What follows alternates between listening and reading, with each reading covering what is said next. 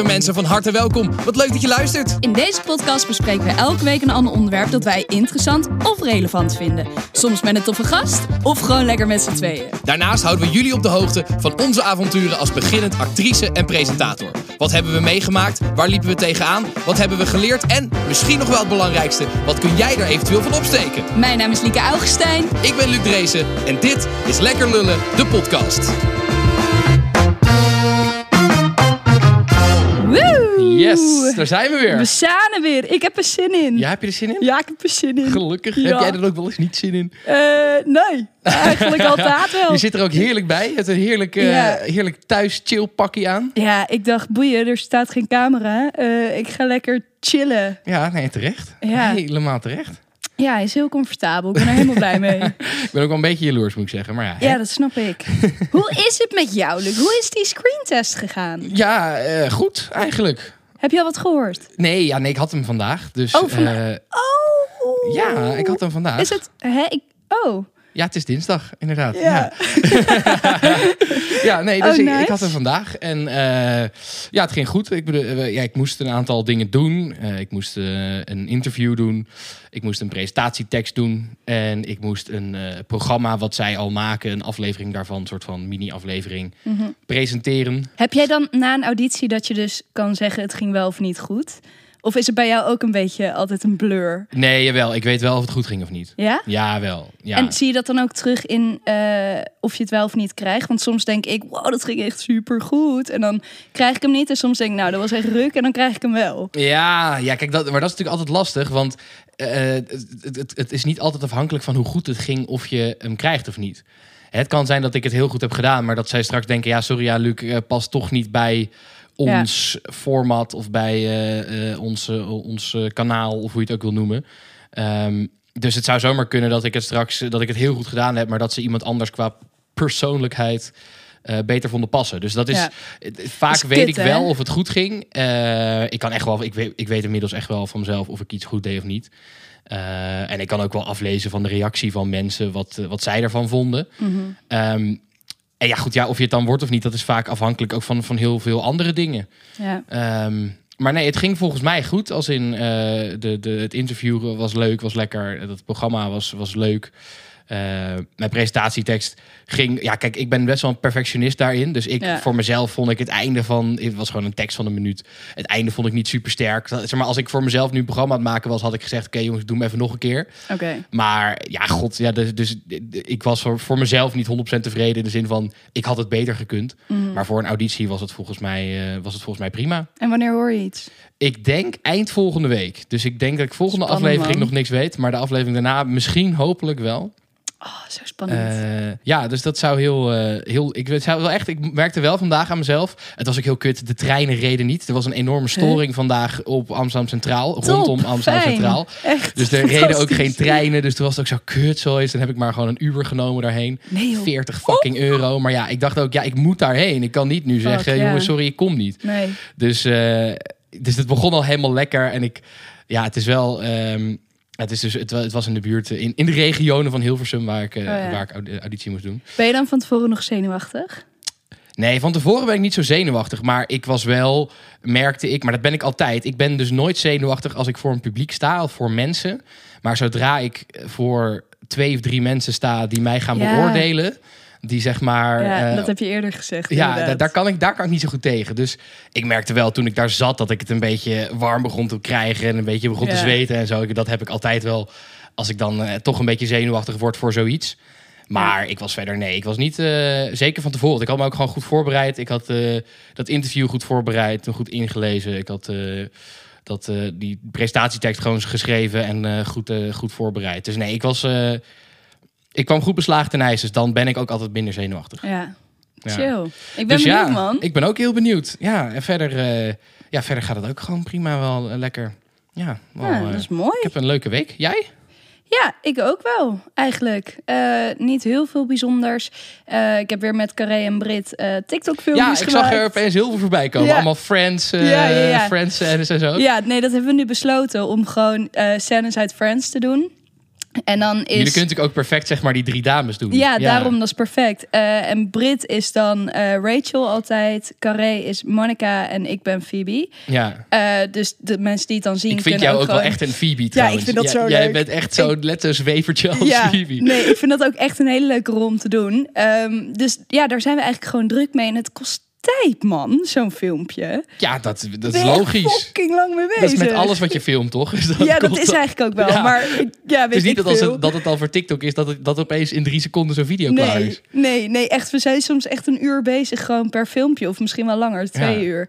Ehm, maar dat is gewoon leuk. Het is leuk om elkaar elke week te zien. En het is leuk om samen weer gewoon bezig te zijn. En we hebben ook afgesproken om... eh, bijvoorbeeld als iemand een auditie moet doen... dat we elkaar daarbij helpen. Ja. En ja, we zijn gewoon een beetje daardoor actiever Acting bezig. buddies zijn jullie Acting buddies. Ja, we hebben ook een groepsapp Motivation Squad. Oh, wat goed, wat goed. Ja, dus eh, nee, dat, dat is heel erg leuk. En eh, ik eh, ga van de week fotoshoots doen. Oh, ja, dat had je, had je verteld. Dat je benaderd was om... Ja. Om fotoshoots te doen. Dus eh, dat, ja, dat ga ik maar eens gewoon een keer proberen. En, ik ben heel eh, benieuwd. Ik ook, ik ook. maar ik heb wel zin in. Ik kom vast, er zat- er zal vast wel één goede tussen zitten, toch? Natuurlijk zit daar een goede foto Ja. tussen. Doe even normaal. Je Nou, bent een fucking dat, lekker eh, wijf. nou, Natuurlijk zitten daar goed. goede foto's tussen. Ja, ik hoop het. Ik hoop het is dat. En had ik nou nog iets? Nee, weet ik even niet meer. Nou, ik ben eigenlijk gewoon weer lekker druk. Gewoon Nou. met allemaal dingen doen. Fijn, dat, we- Ja. dat scheelt hè. Als je, Oh, we, zo hebben- we hebben natuurlijk een tijd geleden gehad over dat het allemaal wat minder ging. En dat Ja. kwam ook toch wel doordat er gewoon niet zoveel te doen was. En dat Nee. het dan nu weer een beetje aan, eh, Ja, en ik ben nu echt gewoon aanloopt is wel fijn. zelf wat actiever bezig, weet je wel. Ik ben zelf dingen aan het ondernemen. Het spel is nog steeds in de running. Ehm, daar heb ik dus morgen een meeting voor, want hij moest ineens naar het ziekenhuis. Dus eh, Oh. de meeting ging niet door. Eh, en ik hoop dat ik dan gewoon een akkoord kan geven en hoppa naar de druk. Ja. Maar dan duurt het Ehm, wel, want ik zat net de vorige keer al hè, van eh, we gaan pre-orderen, maar het duurt dan dus wel nog eh, iets van 12 weken, zei je laatst, dat het dan nog wel even duurt voordat het er echt is. Ja, waarom 12 weken? Zet Ja, gewoon die gewoon- printer aan en je hebt 2000 spellen. Toch? Zo, 12 Ik weken? weet niet of dat zo makkelijk gaat. Ik ben geen print, print Nee, ja, ik ook niet. specialist. Maar ik vind 12 weken wel dat je denkt, jeetje, hoe moeilijk kan het zijn? Maar goed, Ach ja. Ik hoop dat het wat sneller kan. Ga ik ook gewoon even naar vragen. Ja. Ik betaal wel gewoon meer. Nee, Ja. grapje, ik heb niet meer dan wat ik heb. Ehm, dus eh, ja, eigenlijk dat allemaal. Ja, ik ben helemaal eh, content met het leven Goed zo. op dit moment. Fijn. Ja, dus, eh, Nou, dat, is dus dat, dat is grappig, want waar we het vandaag over gaan hebben, ja. heeft ook te maken met het leven. Ehm, en ik, ik moet me verontschuldigen, ik heb geen uh, ukulele liedje, want ik ben natuurlijk het hele weekend heel druk bezig geweest om die auditie goed voor te bereiden. Oké, is je Ehm, vergeven. en wat ook, kijk, dat liedje dat is natuurlijk heel leuk, maar dat werkt vooral bij de wat luchtigere thema's. En vandaag gaan we het niet over iets heel luchtigs hebben. Oh, dus ik dacht ook, ja, Oké. ja, dus ik dacht ook, het is ook misschien niet heel gepast om dan een heel grappig, ge- geestig, eh, eh, jolig liedje te doen. Wel een leuk contrast. Wel, wel een leuk contrast, inderdaad. Eh, maar goed, dus, ik, dus vandaar geen liedje vandaag. Maar we gaan het hebben over ehm, hoe wij als samenleving omgaan met de dood. En het is iets waar we... Dun, dun, dun, dun. Ja, Sorry, nee. Je wilde het juist niet luchtig maken. nee, het mag, nee, je mag altijd luchtig maken, maar ik vond gewoon een liedje niet zo gepast. Nee. Maar en het is eigenlijk ook wel goed om het een beetje luchtig te houden. Want de dood klinkt als zo'n heel beladen onderwerp. En ik wil, Ja. ik wil juist dat het niet zo beladen is. Dus eigenlijk is het wel goed dat het, eh, dat het een beetje luchtig is. Nee, ik heb eh, maandag, gisteren, eh, had ik op Instagram een, een hele column geplaatst. die ik vorige week al geschreven had. Over hoe wij als samenleving omgaan met de dood. En de aanleiding daarvoor was eigenlijk. ehm, ja, toch een beetje de invoering van de avondklok. En de redden die daaruit ontstonden. En want dat, dat, dat maakte voor mij een soort van wederom heel erg duidelijk dat de overheid eh, in deze hele crisis eigenlijk weigert te kijken naar het draagvlak voor maatregelen. Ehm, Mhm. En natuurlijk, dat hebben we vorige keer ook gezegd, die rellen zijn, dat was afzichtelijk en dat kan niet. Maar achter die rellen zitten wel nog steeds heel veel mensen die niet de straat op gaan en dingen kapot maken. Maar die er wel klaar mee zijn, die, er, die, die, die hele maatregelen niet meer steunen. Ja. Ehm, en eigenlijk eh, wordt dat draagvlak continu overschat.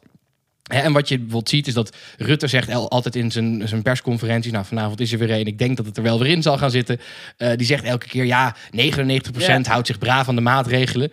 Eh, en dat is een hele bekende eh, tactiek, een hele bekende methodiek in de gezondheidsvoorlichting. Hè, als jij graag wil dat mensen een bepaald gedrag vertonen... dan werkt het beter om te zeggen... dat er een soort gedragsnorm is dan dat je zegt je moet dit doen. Dus hè, bijvoorbeeld in het park, als jij een bord ophangt met de meeste mensen ruimen hier hun vuilnis op. Dat werkt vaak beter dan dat je een bord ophangt met je moet hier je vuilnis opruimen. Oké, ja. En dat is, dat is, dat is gewoon een communicatietactiek. Ehm, maar goed, jij en ik weten allebei, niet iedereen houdt zich aan de maat. Sterker nog, Nee. ik denk dat bijna niemand dat doet. Ik heb het ook in, eh, op Instagram even gevraagd. 83% gaf toe dat ze zich niet aan de maatregelen houden. Nee. Of in ieder geval niet strikt daaraan houden. En dat is ook niet alleen nu met de avondklok, maar als je kijkt naar sinds de, sinds de zomer eigenlijk al, sinds de tweede golf, worden die maatregelen niet meer echt goed nageleefd. Hè? De meeste mensen staan toch met 20 man in een sportschool te hijgen, te puffen. eh, gaan toch met acht man aan het kerstdiner zitten. Gaan toch nog elk weekend met vrienden met z'n vieren wat drinken, wat ook niet echt de bedoeling is. Ja. Eh, gaan toch in de, in de supermarkt net even dicht bij iemand staan om toch wat, wat uit de kaasbak te pakken. Nou, ik moet zeggen, in de supermarkt vergeet ik het echt. die maar dat, anderhalve meter. en, en dat is ook, ik, nogmaals, ik vind dat ook niet erg dat dat gebeurt. Weet je, wij zijn sociale wezens, heb ik al heel vaak gezegd. Zeker voor jongeren is het ook gewoon essentieel voor je leven, voor de ontwikkeling van je leven, dat je fysiek en sociaal contact hebt.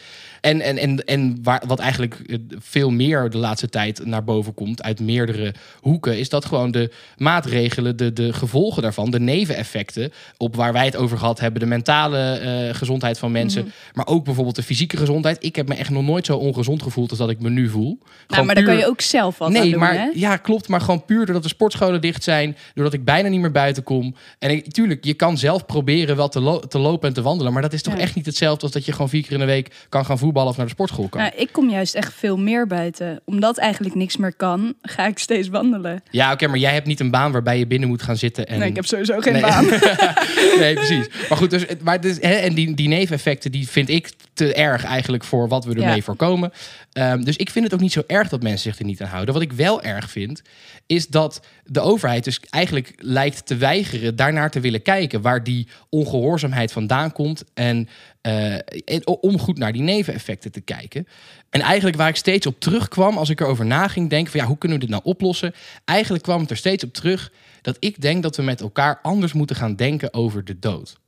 Want wat waar eigenlijk het huidige beleid op gestoeld is, is het voorkomen van doden. We Ja. zeggen steeds, hè, de, de IC mag niet overstromen, het ziekenhuis moet, eh, mag niet overstromen. Maar de, de achterliggende gedachte daarvan is, er gaan mensen dood als dat wel gebeurt. Ja. En het grappige was eigenlijk dat ik niet de enige was eh, die dit vond deze week. Ik, ik heb, had vorige week dus dat, die column geschreven, maandag online gezet. En er waren veel meer mensen die dit de afgelopen dagen gezegd hebben. Hè, dus eigenlijk, hè, Rutte zei het zelf al heel mooi, het elastiek is, eh, de rek is uit het elastiek. Mhm. Ehm, en eigenlijk wat steeds meer mensen dus nu zeggen is, ja, dan moet je dus niet aan hetzelfde elastiek blijven trekken tot het kapot Ja. gaat. Dan moet je op zoek naar een ander steeds elastiek. Hè. En ik zei in de zomer ook al, ja, solidariteit is niet iets wat je kan afdwingen. Dat moet er ontstaan. Mhm. En als dat er niet meer is, dan moet je op zoek naar een andere oplossing. Hè? En, en ik en dus veel mensen met mij de, deze week, denk dat je, als je leert leven met de dood, eh, dat je ook beleid daar wat meer naar kan gaan inrichten. Hè? En zo zat bijvoorbeeld eh, afgelopen zaterdag in de trouw. Was er een, eh, een, een column van Sylvain Evimenko, ik hoop dat ik dat goed uitspreek, ehm, die ook eh, daarin betoogde: we zullen misschien moeten accepteren dat ziekenhuizen en begraafplaatsen vol lopen. Hij vond dat de maatregelen niet vol te houden zijn op deze manier, gewoon puur hoe wij zijn als mens. En eigenlijk dat we het leven van miljoenen mensen vergooien uit angst voor de dood van een paar. Ehm, zondag in het NRC verscheen een artikel van eh, vier IC-artsen van het Radboud UMC in Nijmegen. Eh, die stelden dat zij vonden dat de maatregelen een te grote tol eisten. Hè, en dat de negatieve gevolgen van de maatregelen eigenlijk niet meer in verhouding staan tot de geoogde of de beoogde eh, gezondheidswinst. Eh, en wat zij eigenlijk, waar zij voor pleiten, was dat we een aantal van de hele heftige maatregelen moeten loslaten. Bijvoorbeeld dat je in de buitenlucht weer met elkaar zou mogen samenkomen. eh, meer mensen bij elkaar thuis, dat soort dingen. En dat je daarbij dus moet accepteren dat je dus ook strenger zult moeten gaan selecteren op die IC waar zij werken. En wat ze daarbij eh, als punt gebruikten, is dat, hè, wat veel mensen ook vaak zeggen, Mhm. meer dan de helft, de percentages verschillen nogal in waar je het zegt, maar het is altijd meer dan de helft van de mensen die daar terechtkomt, overleeft het niet. En dat komt omdat ze vaak oud zijn. Hè? Mensen van boven de 75, meer dan de helft overleeft het überhaupt niet op de IC. Eh, mensen die te dik zijn, andere comorbiditeiten. Het is, er zijn gewoon veel mensen die op de IC terechtkomen, die toch al heel slecht, slecht waren in hun gezondheid. En de kans is dan heel erg aanwezig dat je dat niet overleeft. En zij zeiden dus, die artsen eh, van het Radboud eh, UMC, van ja, eigenlijk zou je dan strenger daarop kunnen gaan selecteren, waardoor je dus niet zoveel last hebt van het feit dat er meer vrijheden zijn en er dus ook meer besmettingen zijn. Ehm, en zij zouden eigenlijk van ja, het is een, het, het is een heel duivels dilemma, maar je zult uiteindelijk moeten accepteren dat er meer mensen aan COVID-19 overlijden. Ehm, en het mooie vond ik dat vandaag er een artikel online kwam waarin eigenlijk heel veel andere artsen soort van heel opgelucht reageerden op dat artikel. Van eigenlijk heel fijn dat er eindelijk een paar mensen van de IC zijn die dit ook zeggen. Van er, het, er klopt iets niet helemaal met wie wij in leven aan het houden zijn, om het zo maar te zeggen. Um, dan was er ook nog maandag in het NRC een interview met psychiater Boudewijn Chabot. Een man van, van 79, een hele bekende psychiater, een oudere psychiater eigenlijk. Die mensen helpt met het, het waardig einde van hun leven. Hij heeft ook een boek geschreven dat heet Living, Your Dying. Uh, waarin hij omschrijft dat je ja, eigenlijk alleen goed kan sterven als je daarmee bezig bent geweest. Dus als je, daar, uh, ja, als je daarin hebt geïnvesteerd. En hij zegt ook, hij vindt dat ouderen eigenlijk zich moeten gaan opofferen voor de jongeren. En dat klinkt misschien een beetje bot. Maar hij zegt ook, ja, we moeten jongeren voorrang krijgen op de IC's. Uh, want die zijn degene die dat overleven. Um, en hij zegt, ja, je zou eigenlijk als ouderen moeten zeggen... oké, wij gaan gewoon thuis verzorgd worden. Wij hoeven de IC niet meer. Uh, en we nemen dan dus het risico dat we overlijden. Uh, en hij zegt eigenlijk uh, daar ook bij van ja, uh, sterven hoort bij het leven. En dat is wat we eigenlijk meer moeten gaan aanvaarden. Ja. Als oudere mensen eigenlijk. Uiteindelijk van gisteravond ook bij Jinek zat Barbara Baarsma, een be bekende hoogleraar economie. Ehm, die vaker in talkshows aanschuift. En zij pleit ook echt voor gerichtere bescherming van zwakkeren.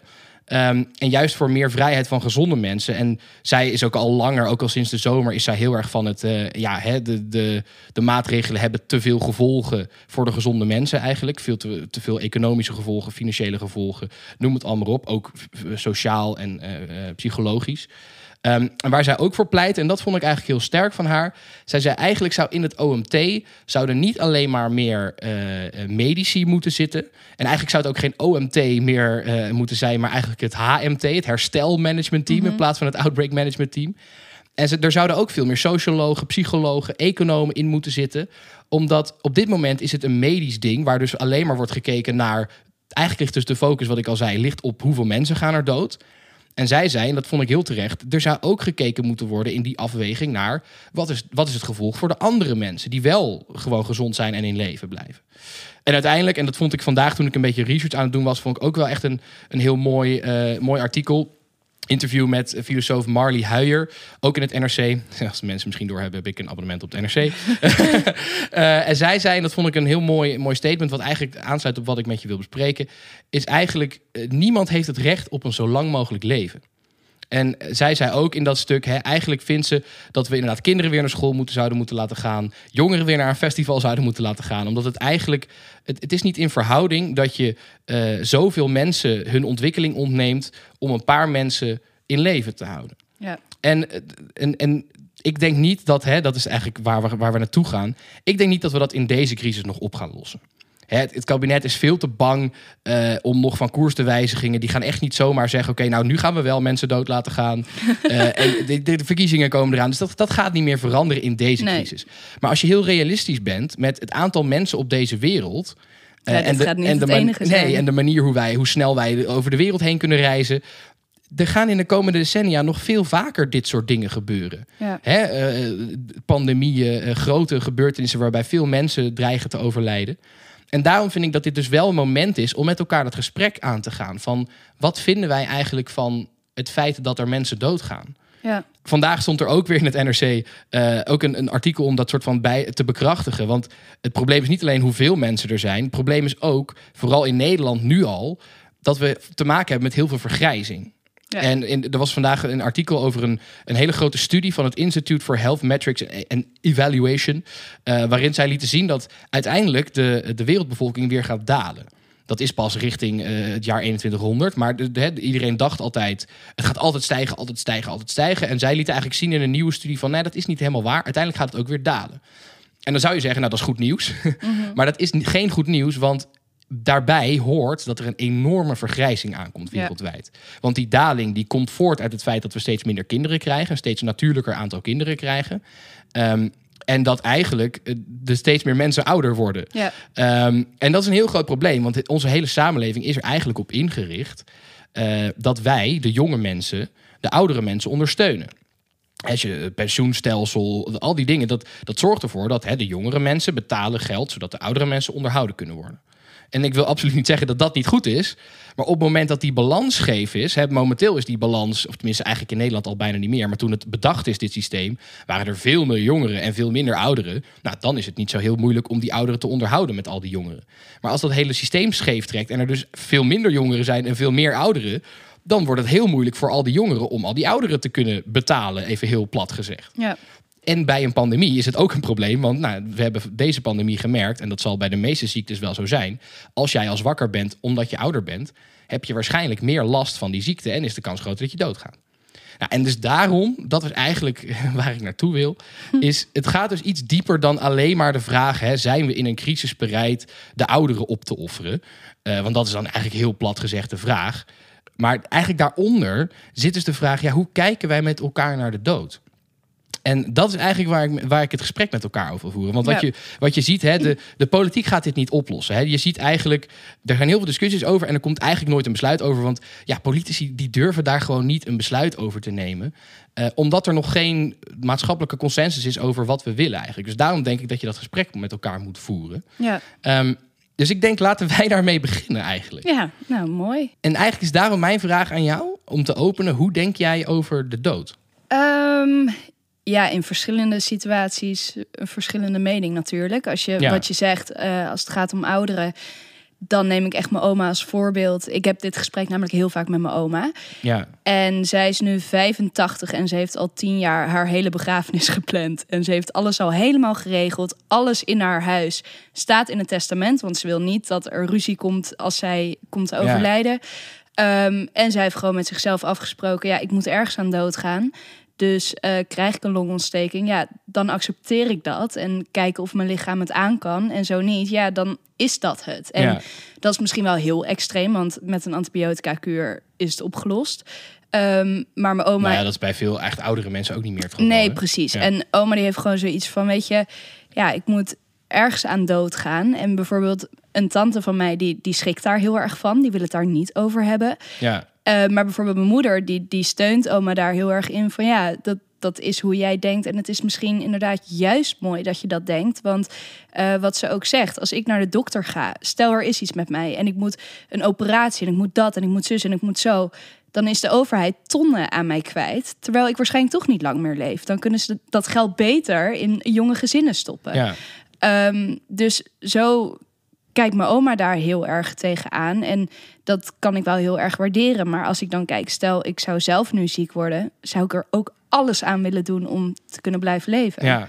Dus elke situatie is daarin wel anders. En wat jij zegt, misschien moeten ouderen zich opofferen? Of ja, ja, welk woord zou je eraan geven? Ja, opofferen, dat klinkt natuurlijk heel, heel bot. Alsof ze hun leven niks meer waard is en ze het moeten opofferen. Nee, en dat, is niet Nee, natuurlijk niet. En ik, ik, vond dit ook wel een grap. Ik had het net over die Marley Huijer. En aansluit op wat jij nu zegt.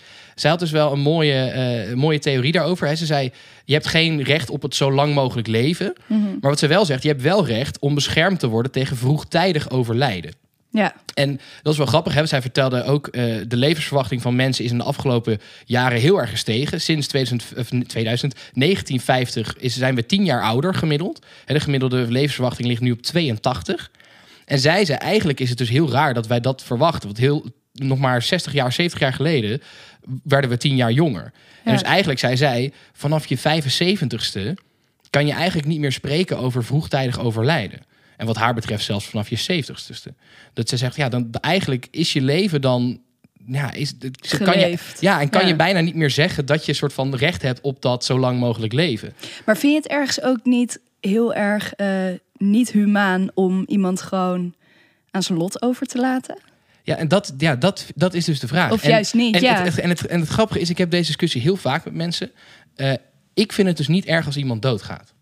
En dat meen ik echt. Zeg maar, en, en ook niet als het plots is door een ongeluk. Dan vind ik het erger. Maar ook dan. En, en, en op een begrafenis, maakt niet uit hoe iemand is doodgaan. Op een begrafenis ben ik als het hardst aan janken van iedereen. Ja. Dat vind ik verschrikkelijk. Ja. Ik kan ook al weet zeg maar, je niet wie dus de persoon is. Ik kan het heel, oké, laat ik het beter formuleren. Ik kan het heel erg vinden als iemand overleden is. Maar dat iemand dood is, daar kan ik heel snel vrede mee hebben. En bijvoorbeeld ook toen mijn, toen mijn tante overleed, uh, drie maanden geleden, bijna drie maanden geleden inmiddels. Eh, zij had al drie jaar lang eh, longkanker. En dat was eigenlijk al heel snel duidelijk: dit gaat niet lang duren. Heeft eigenlijk nog veel langer geduurd dan op dat moment voorspeld werd.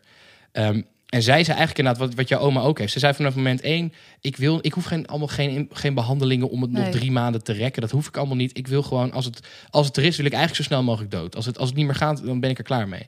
Zij heeft uiteindelijk eh, heeft ze dus ook euthanasie gepleegd. Eh, wat ik heel mooi vond. En ik was een van de eerste in de familie, tenminste voor zover ik dat dan weet, die daar eigenlijk heel snel vrede met, ha- met haar over had. Soort van, ik had daar vrede mee en ik kon het met haar heel goed daarover praten. Ja. Van ja, nou, dan ga je toch lekker als je er klaar mee bent. Ja, Ehm, en ik merkte ook aan haar dat ze dat heel fijn vond. Want ik heb vaak met haar gebeld. En ze vond het heel fijn dat ik er ook zo in stond. Mhm. Want zij merkte dus ook dat er sommige mensen daar niet mee konden leven. En dat sommige mensen het heel gek vonden dat zij zoveel ja vrede bijna had. over willen halen. Ja, precies. En toch te vechten. en dat vond ik een heel grappige. oh, Dat je, hè, er was laatst een documentaire van Boos over euthanasie bij jonge mensen. Ja, En dat is sowieso, vind ik, dat is ook iets waar je, waar je dit hele verhaal weer op terug kan laten komen. Van eigenlijk in Nederland, er, er is wel een mogelijkheid voor euthanasie. Maar daarbij ligt vaak de focus op iemand proberen te overtuigen om te blijven Ja. leven. ja. Terwijl ik denk, waarom zou je dat niet gewoon accepteren? Kijk, je kan, je, veel mensen maken dan de redenatie van... ja, maar wat nou als die nog bedenkt na twee jaar later dat hij wel wil leven?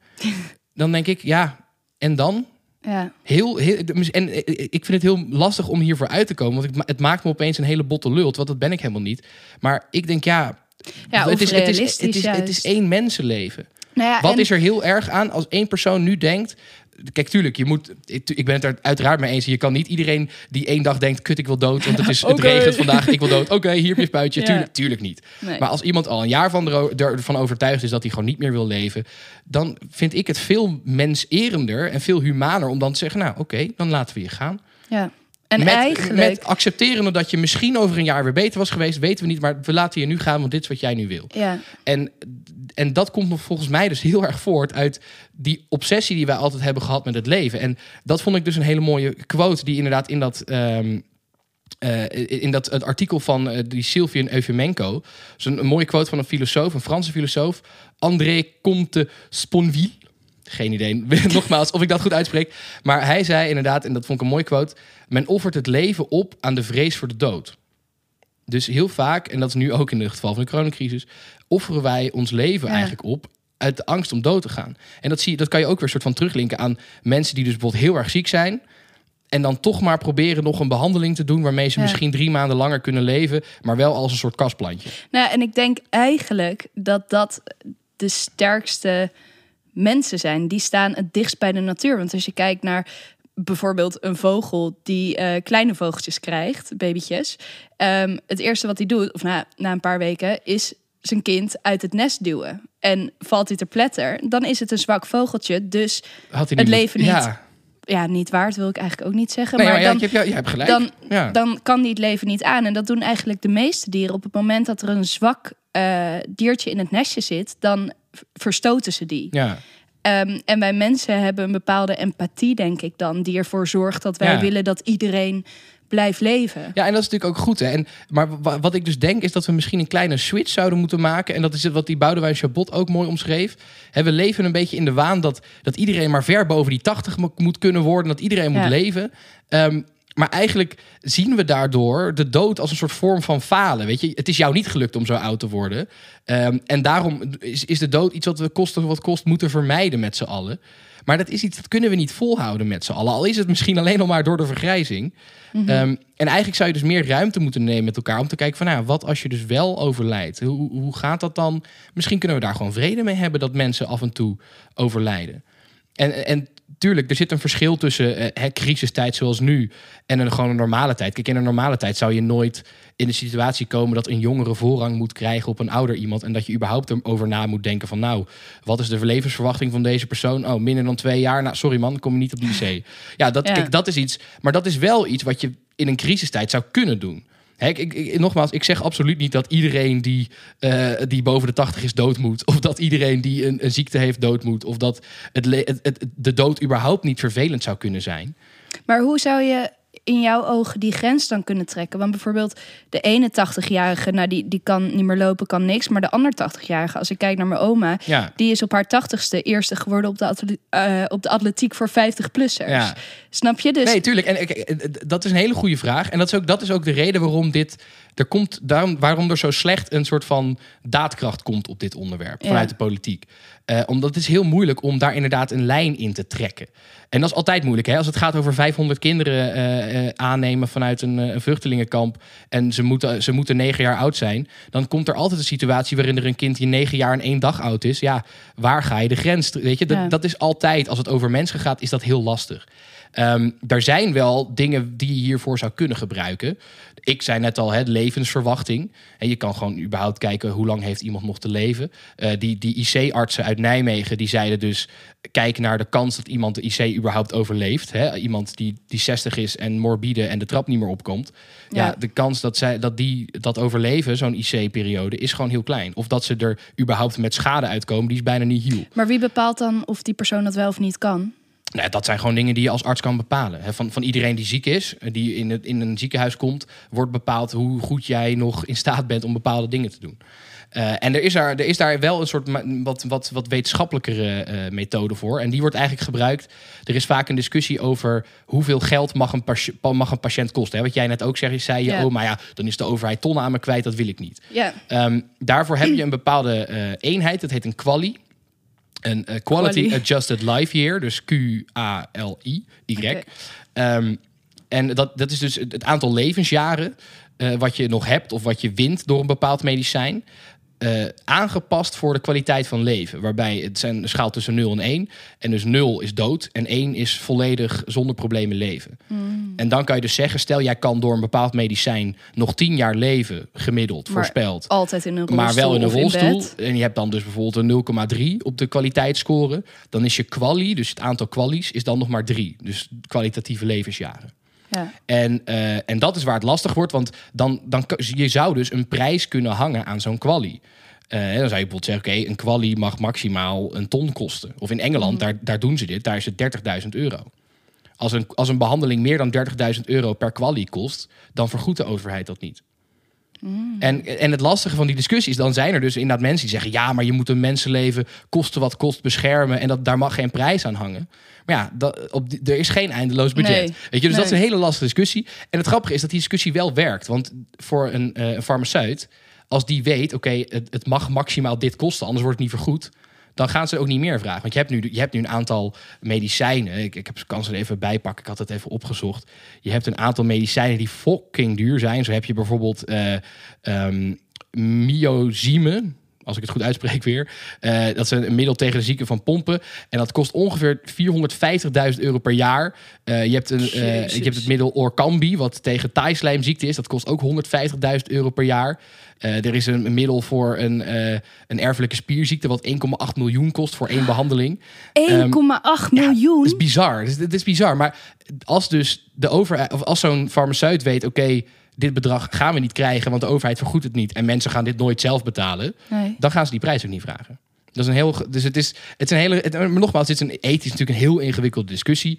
Eh, en, en, en dat maakt het zo lastig, waardoor de politiek niet zegt, we gaan hier eh, een klap op slaan. Want ja, eh, dit is een tijd, vijf jaar geleden ongeveer, heeft D66 heeft dit geprobeerd om dit in Nederland vast te leggen, hoeveel geld een kwalie mocht kosten. Nou, dat is, ze, hebben ze geweten ook. Die kregen gelijk soort van de, de hele shitstorm over zich heen van, oh, D66 wil prijs op een leven zetten. En dat is het lastige. En daarom denk ik dat het heel goed is als we er met elkaar over praten. Want als we er als maatschappij uit zijn dat we het leven, Ja. het soort van, of dat we de dood minder erg vinden dan dat we nu vinden. Waardoor we het ook meer kunnen accepteren als we af en toe zeggen: ja, sorry, eh, iemand gaat helaas overlijden. Dan, dan zou de politiek uiteindelijk ook zeggen: oké, dan durven we er ook wel wat meer naar te handelen. Ja. Bijvoorbeeld in een volgende crisis. Dat we dan wel durven te zeggen: oké, we houden gewoon alle zwakkeren binnen. En we accepteren het als er misschien eh, wat aan, een aantal mensen gaan overlijden. Ja. Ja.